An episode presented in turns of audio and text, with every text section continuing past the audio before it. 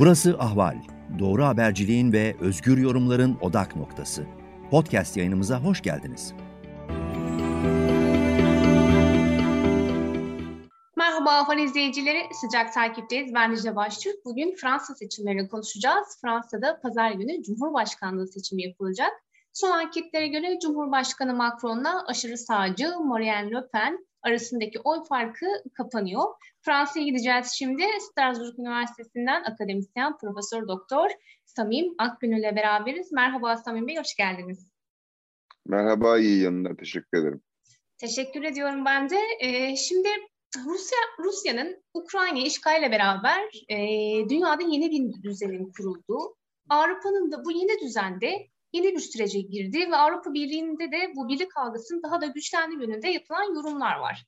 Tam da bu süreçte savaşın gölgesinde Avrupa'nın önemli aktörlerinden Fransa'da Cumhurbaşkanlığı seçimi yapılacak. Bu anlamda Fransa'daki bu seçime nasıl bakmak lazım? Önceki seçimlere göre kıyasladığımızda nasıl yorumlarız bu süreci, bu seçimi?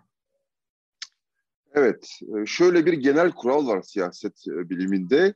Savaş görevdeki lideri korur.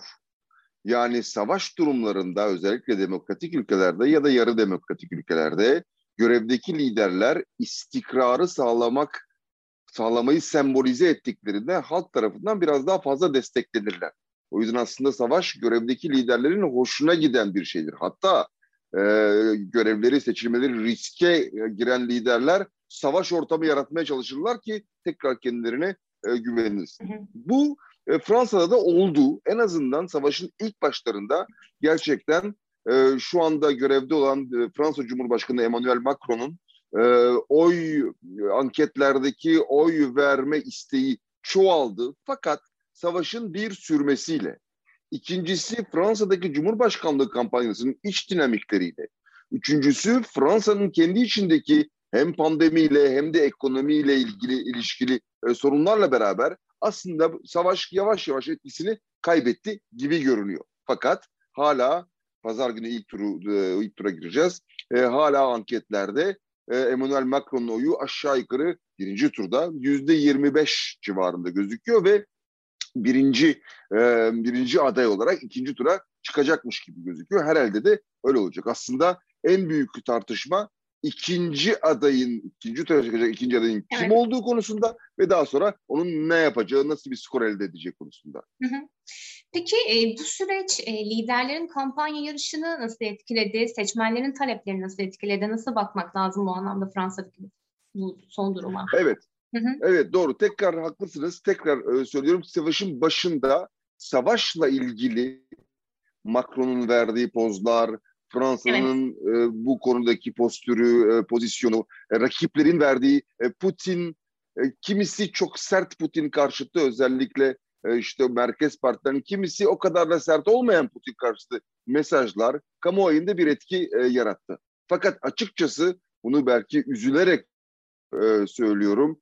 E, Fransa kamuoyu diğer kamu diğer kamuoyları gibi biraz savaş durumunu kanıksadı gibi. Yani Rusya'nın Ukrayna'yı işgali artık iki gün kala, birinci iki gün kala e, kampanyanın ana temalarından biri değil. Ana temalar çok daha klasik temalar haline geldi. İşte ekonomi bir taraftan, refah bir taraftan, göç, Müslümanlar vesaire özellikle sağın e, geleneksel e, temaları bunlar. Yani aslında tekrar Fransa'daki Cumhurbaşkanlığı seçimleri geleneksel temalarına oturmuş gibi e, gibi görünüyor. Tabii yarın hemen seçimlerden önce e, Rusya'dan bir hamle gelir ya da işte iki taraflı yağma gibi sertleşebilir ya da çekilebilir. Bunun bir etkisi oluyor. Bunu bilemeyiz şimdilik. Fakat şimdilik iki gün kala ilk tura e, biraz geri çekilmiş gibi gözüküyor bu konu e, kampanyada. Hı hı. Şimdi e, aşırı sağ lider e, Marianne Le Pen'in de bir yükselişini görüyoruz. Çünkü anketlere göre ikinci sırada e, Le Pen var. E, ikinci turda Macron'la e, Le Pen arasında bir çekişme bekleniyor anladığım kadarıyla. Ne dersiniz? Neden e, aşırı sağ ve Le Pen'in e, yükseldiği konusunda neler söyleyebilirsiniz? Evet, e, bütün e, kilit bu kullanımız aşırı sağ e, kavramında kavramında yatıyor. Doğrudur.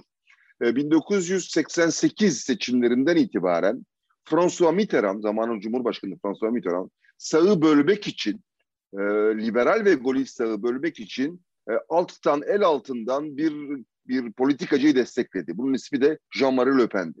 Jean-Marie Le Pen 1988'den itibaren e, sağı böldü. Gerçekten de bu rolünü kendini çok iyi oynadı. Böylece birçok kereler özellikle François Mitterrand ve daha sonra başka e, e, mesela François Hollande ve başka sosyalistler iktidara gelebildiler. Ancak François Mitterrand'ın 1988'de yarattığı canavar sağı böldükten sonra yavaş yavaş sağın hepsini ele geçirmeye çalıştı. Ve başardı da biraz da. Çünkü hem söylemlerde hem de partinin kendi yavaş yavaş merkeze kaymasıyla sağın ana partilerinden biri haline geldi. 2011'de Jean-Marie Le Pen partisini kızına Marine Le Pen'e devrettikten sonra Marine Le Pen e, partide bir bir makyaj yaptı, bir temizlik yaptı ve partinin söylemini biraz daha merkeze yerleştirdi.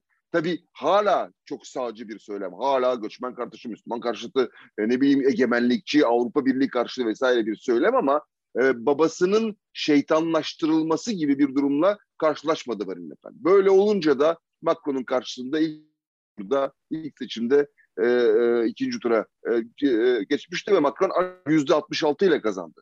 Şunu unutmayın babası Jean-Marie Le Pen, Jacques Chirac'ın karşısında e, çıktığı zaman 2002 Cumhurbaşkanı seçimlerinde Jacques Chirac yüzde 84 ile kazanmıştı. Halbuki Macron yüzde 66 ile kazandı. Bir şekilde Marine Le Pen partisini meşrulaştırdı. Bunu gören Macron aynı Mitterrand'ın 1988'de yaptığı gibi bu sefer aşırı sağ denen ana sağı bölmek için yeni bir adayı el altından destekletti. Özellikle bir iş adamına, e, Vincent Bolloré isimli bir iş adamına. O da Erik Zemur oldu. Bu Zemur e, bir gazeteci, şovmen, televizyonda tartışma programlarına çıkan kitap yazan vesaire popülist bir e, bir kişi. Lider demiyorum çünkü lider değildi. Ancak şimdi belki lider oluyor. Gerçekten de Bolloré'nin finansmanıyla mitinglerle, televizyon görünürlüğüyle, gazete görünürlüğüyle bu kampanyayla sağın oyunu, sağın rol, oyunu yani aşırı sağın oyunu böldü. Yüzde onlara kadar ulaştı ve Marine Le Pen yüzde on beşlerde e, kaldı. Fakat Zemur'un çok yapay bir aday olması bir. İkincisi arkasında Le Pen gibi köklü ve örgütlü bir partinin bulunmaması sebebiyle şu anda Zemur'un son günlerde düşüyor yüzde dokuz, yüzde onlara ve Le Pen'in oyları tekrar yükselişe yükselişe geçiyor. Büyük bir ihtimalle Le Pen, Marine Le Pen ikinci tura çıkacak. Fakat bu bölünmeden faydalanan bir başka kişi var, bir üçüncü kişi var. O da sosyalist solcu aday e, e, Mélenchon, Jean-Luc Mélenchon. E, Mélenchon'un çok büyük bir e, oy rezervi yok arkasında. Fakat gene Macron, Le Pen e, ikileminden kurtulmak isteyen merkez, merkez sol ve sosyalist sol birinci turda en azından Melanchon'un adaylığına yüklenebilir ve belki Melanchon da ikinci tura çıkabilir. Böyle bir durum olursa kanımca Macron'un önünde bir bulvar olur. Çünkü yeterli rezerv yok e, arkasında dediğim gibi. Macron herhalde 60'a 40 gibi bir e, skorla e, kazanır. E, asıl tehlike Le Pen'in beklenildiği gibi ikinci tura çıkmasında. Eğer böyle bir şey olursa e, şöyle bir tehlike e, doğar. Bu benim kendi şahsi fikrim. Sizinle de e, seyircilerimize de paylaşayım. E, e, e, Zemur'un yaratılması yani Löpen'in de sağında daha sağında bir politikacının yaratılması ve el altından desteklenmesi belki de kamuoyunda Löpen'in o kadar da sağda, aşırı sağda olmadığı imajını yaratmıştır. Yani belki de Zemur olmasaydı Löpen'e oy vermeyecek olan merkez ve merkez sağcılar şimdi Löpen'e oy vermeye karar verebilirler. Bu çok büyük bir tehlike e, elbette. Fransa gibi işte değerler söylemi çok yüksek olan bir e, ülkede e, Marine Le Pen gibi bir liderin Cumhurbaşkanı seçilmesi e, önemli bir e, deprem. Sosyolojik, ekonomik, politik e, bir deprem. Ama bunu öğrenebilmek için iki hafta daha beklememiz gerek. Çünkü bildiğiniz gibi birinci turla ikinci tur arasında iki hafta var. Bu durumda ikinci tura kalması durumda seçimlerin e, Le Pen şaşırtabilir diyorsunuz. E, bu da Avrupa ha, siyasetinin gelecekte bayağı bir etkileyecek Şöyle bana sorarsanız duygusal olarak mümkün değildir. Ama Hı. benim tepkim duygusal bir tepki olur. Yani Fransa'da 30 yıldan fazladan yaşamışlığın verdiği bir tecrübeyle asla ve asla Fransa'da böyle bir popülist lider iktidara gelmeyecektir derim. Fakat diğer taraftan bütün seçmenlerin görüşünü hesaplamak çok zor. Zemur o kadar kompleksiz ve o kadar sağcı bir söylem kullandı ki son bir ayda iki ayda Le Pen'in söylemi biraz daha yumuşak kaldı e, onun yanında. Böyle olduğu için kandırılıp Le Pen'e oy veren sağcı e, e, seçmenler olabilir. Böyle bir tehlike var doğrudur. Peki Le Pen senaryosunda Avrupa siyaseti nasıl şekillenir ve Türkiye-Fransa ilişkileri nasıl şekillenir? Bu anlamda neler söyleyebilirsiniz bu ihtimal karşısında? Evet, bu doğru bir soru. Bu gerçekten en önemli sorulardan bir e, bir tanesi. Marine Le Pen'in liderliğini yaptığı siyasal akım e, hem milliyetçi hem egemenlikçi bir akım. Yani Avrupa'ya bakışı her zaman e, sektik, şüpheci bir e, bakış. Hatta Avrupa Birliği'nin fazla güçlü olduğunu, e, e, Avrupa Birliği'ni gerçekten üyelerinin yeterince egemen olmadıklarını düşünen bir bakış açısı. Böyle bir şey olursa e, şunu da görmek lazım. Bütün Avrupa'da diğer yerlerde de bu tip liderler şu anda e, iktidarda. Örneğin Macaristan'da Viktor Orban e, tekrar e, tekrar seçi, seçildi bildiğiniz e, gibi. Fransa'nın da yepyeni bir Avrupa Birliği kurulmasına öncülük etmesi muhtemel. Yani şu andaki gibi e, e, utangaç da olsa bir egemenlik transferi yapılan Avrupa Birliği yerine daha çok işte hükümetler arası bir kurum gibi daha gevşek bir Avrupa Birliği e, ne doğru yönelebilir. E, Avrupa Birliği'nin aldığı iki önemli karar var şimdiye kadar Maastricht'ten e, sonra Avrupalılığı gerçekten gerçekleştiren birincisi ortak para, euro çok önemli. Ortak para gerçekten bir egemenlik e, egemenlik sembolü. İkincisi Schengen yani sınırların kaldırılması. E, başlangıçta Le Pen'in yönettiği hareket ikisine de karşıydı. Şu anda bugünden sonra Euro'nun kaldırılıp tekrar franka dönülmesi bir ütopya. Böyle bir şey mümkün değil. Kesinlikle mümkün değil ekonomik olarak ve teknik olarak. Ancak sınırların tekrar yerleştirilmesi özellikle pandemi döneminde terörizm için vesaire bir takım bahanelerle e, sınırların kaldırılmasından geri adım atılması bence mümkün olan bir e, bir şey olabilir. Bu da Avrupalılığa ve Avrupa Birliği'nin inşasına büyük bir darbe olur kanımca. Hı hı. Tabii Fransa denince akla İslamofobi de geliyor. Bu durumda e, Fransa'da bu durum nasıl bir seyir işler sizce? Evet. Ee, açıkçası Fransa'daki İslamofobi denen kavramın diğer Batı ülkelerine göre e, nasıl desem e, zayıf olduğunu düşünüyorum. Şöyle düşünüyorum. İslamofobiden benim anladığım İslam'a karşı, İslam dinine karşı nefret söylemi Zemur'da var. Le Pen'de aşağı yukarı var. Örneğin Macron'da yok, başka liderlerde e, yok. Fakat bunun yerine Müslümanofobi de değil diyerek aldığım yani günlük hayatta Müslümanların ayrımcılığa uğraması konusunda birçok yasa var, koruyucu yasa var vesaire. E, tabii vardır münferit e, olaylar. Böyle büyük bir şey olduğunu e, görmüyorum, düşünmüyorum e, açıkçası. Elbette Müslüman çoğunluklu ülkelerden özellikle Türkiye'den bakıldığında böyle bir propaganda var. Fransa'da İslamofobi vardır propagandası var. Bunun iyi çözülmesini ve e, iyi detaylandırılmasını e, talep ediyorum. E, fakat elbette e, Le Pen, Zemur, hatta Valérie Pécresse hiç başlamadık, bahsetmedik bile. ikinci bir sağ aday e, rakına karşı evet. gibi adaylar e, güçlü skor elde ederse ve Fransa'nın siyasal söylemi iyice sağa kayarsa o zaman gerçekten tehlike çanları e, çalabilir ve hem İslamofobik söylemler hem Müslümanofobik davranışlar olabilir. Fakat şunu da unutmayın. Fransa'nın önemli prensiplerinden bir tanesi blasfemi özgürlüğü.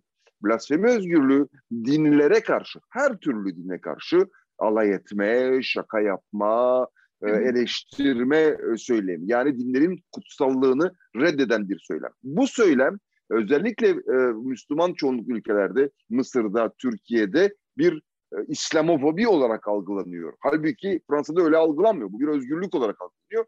Aynı blasfemik söylemlerde bulunanlar Katolikliğe karşı, Protestanlığa karşı ya da Yahudiliğe karşı da blasfemik söylemlerde bulunuyorlar. Bu e, İslamofobinin içerisine alınamayacak bir e, bir kavram. İşin ilginç tarafı aşırı sağ popülist sağ burada karşı. Yani Katoliklikle alay edilmesine ya da protestanlıkla alay edilmesine de karşı belki de aşırı sağ iktidara gelirse bu blasfemi prensibi, prensibi özgürlüğü Fransa'da tekrar tehlikeye gelebilir. Bu da paradoksal bir sonuç olarak İslam'a karşı alaycı söylemin de ortadan kalkmasına yol açabilir.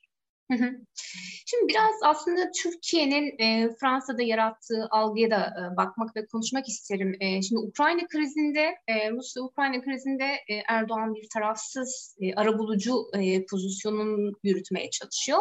Böyle bir diplomasi yürütmeye çalışıyor. Bu anlamda daha önceki Türkiye-Fransa ilişkilerine baktığımızda Erdoğan'ın bu son pozisyonu Fransa'da bir e, Türkiye bakışı değiştirdi mi? Veya değiştirebilir mi bundan sonra ve seçimden sonra bu anlamda ilişkiler nasıl bir seyir izler? Ne dersiniz Türkiye ile Fransa ilişkilerini bu anlamda? Evet, Türkiye birincisi Fransa ilişkileri çok köklü ilişkiler ve çok e, inişli çıkışlı ilişkiler. E, bu ilişkilerin e, tarihi çok e, derin, Cumhuriyet döneminde tarihi e, çok derin. E, olaylar, siyasal olaylar bu ilişkileri gerse de e, çok iç içe geçmiş e, ilişkiler. Ee, e, Türkiye'nin Fransa'daki imajı e, Adalet ve Kalkınma Partisi'nin iktidara geldiği ilk dönemde 2002-2007 e, döneminde büyük bir pozitifliğe doğru değişime uğramıştı. Yani e, 2002'den sonra 2007'ye kadar e, Adalet ve Kalkınma Partisi'nin yönettiği Türkiye Fransa'da bir partner olarak görülmeye başladı. Evet. Elbette sağ adaylar örneğin Nicolas Sarkozy gibi sağ adaylar Türkiye'yi her zaman e, Avrupa Birliği'nin dışında tutma politikası güttüler fakat genel imaj pozitifleşmişti. 2007'den sonra ama özellikle de 2010 referandumundan e, sonra yavaş yavaş adım adım Türkiye'nin e, Fransa'daki imajı e, geriledi. Aynı şekilde Fransa'nın da Türkiye'de imajı geriledi. Özellikle siyasal söylemde Recep Tayyip Erdoğan'ın e, siyasal e, söylemlerinde e, Fransa'nın bu kadar suçlanması, e, Ermeni soykırımı konusunda suçlanması, işte efendim mülteciler konusunda suçlanması Türkiye'de de Fransa'nın imajını iyice aşağıya e, çekti. Fakat şunu da belirtmek gerekir. E, e, son 3-4 senenin çok gergin politikaları, e, ilişkileri artık kalmadı. Son bir senede, iki senede kalmadı. Rusya'nın Ukrayna'yı işgalinden bağımsız olarak örneğin e, hatırlayın iki sene evveline kadar Doğu Akdeniz'de bir kriz e, beklenirken Fransa gemilerini Doğu Akdeniz'e e, gönderirken e, Türkiye işte bu hayır bu sular bizim derken bir korku vardı. Bir patlama korkusu vardı. Bu korku geçti. Gene mülteciler konusunda artık mültecilerin Türkiye'ye yerleşmiş olmalarından dolayı ve artık Ege Denizi'nde mülteci ölümlerinin en azından Fransa'da ya da Türkiye'de duyulmamasından dolayı orada da ilişkiler biraz e, yumuşadı. Şimdi Rusya konusunda gördüğümüz e, nokta gerçekten de Recep Tayyip Erdoğan'ın e, e, e, ara buluculuk rolüne soyulması e, Fransa'da duyulan bir şey. Gazetelerin yazdığı, televizyonlarda konuşulan bir şey. Fakat aynı ara buluculuk e, rolüne Emmanuel Macron da e, evet. söylüyor, başkaları da söylüyor. Herkes ara bulucu olmak e, istiyor ve e, eğer bir barış ortamı yerleştirirse en azın en az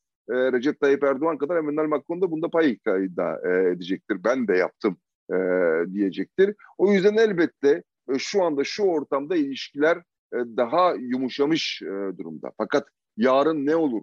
Yarın Fransa'da e, popülist sağın çok yüksek bir oyuyla gene Türkiye karşıtı söylemler olursa ve Türkiye'den küfürlü, hakaretli cevaplar gelirse bu ilişkiler ne hale gelir bilemeyiz. Ama dediğin gibi bu ilişkiler son derece köklü ve yapısal ilişkiler. Herhangi bir derin iki üç kelimesiyle ve cümlesiyle e, tamamen sıfırlanacak ilişkiler değil. Ama inişli çıkışlı oldukları da doğru.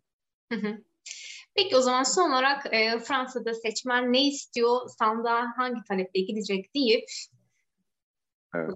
Seçmen ne istiyor? Seçmen bir kere e, sarı yeleklilerden itibaren e, bir takım e, nasıl desem size e, bir takım paradoksal çelişkili talepleri var.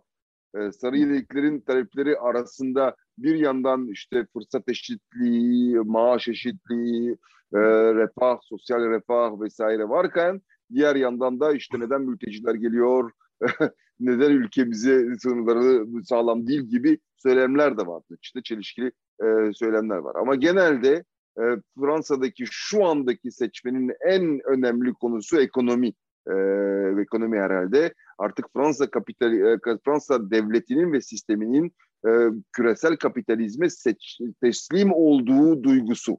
Fransa her zaman 3. Cumhuriyet'ten günümüzde ama özellikle 1981'de sosyalistlerin iktidara gelmesinden e, itibaren sosyal bir devlet olarak kendini e, tanıttı ve bu e, gerçekten de öyle oldu. Yani 1981-1988 arası sosyalistlerin ve komünistlerin koalisyonu tarafından yerleştirilen sosyal devletin aygıtları bitirile bitirile bitirilemedi. Hala devam ediyor. E, bu o kadar bir büyük bir sosyal devlet, neredeyse sosyalist bir devlet e, kurulmuştu. Bu devletin artık olmayacağı korkusu çok geniş. Yani sosyal yardımlar, sağlık meselesi, eğitim meselesi, ulaşım meselesi bunların hepsi devletin yardımlarıyla sosyal devlet kavramı içerisinde çok rahat, yurttaşların rahatça kullanabileceği e, hizmetlerdi. Artık yavaş yavaş bu kaldırılıyor.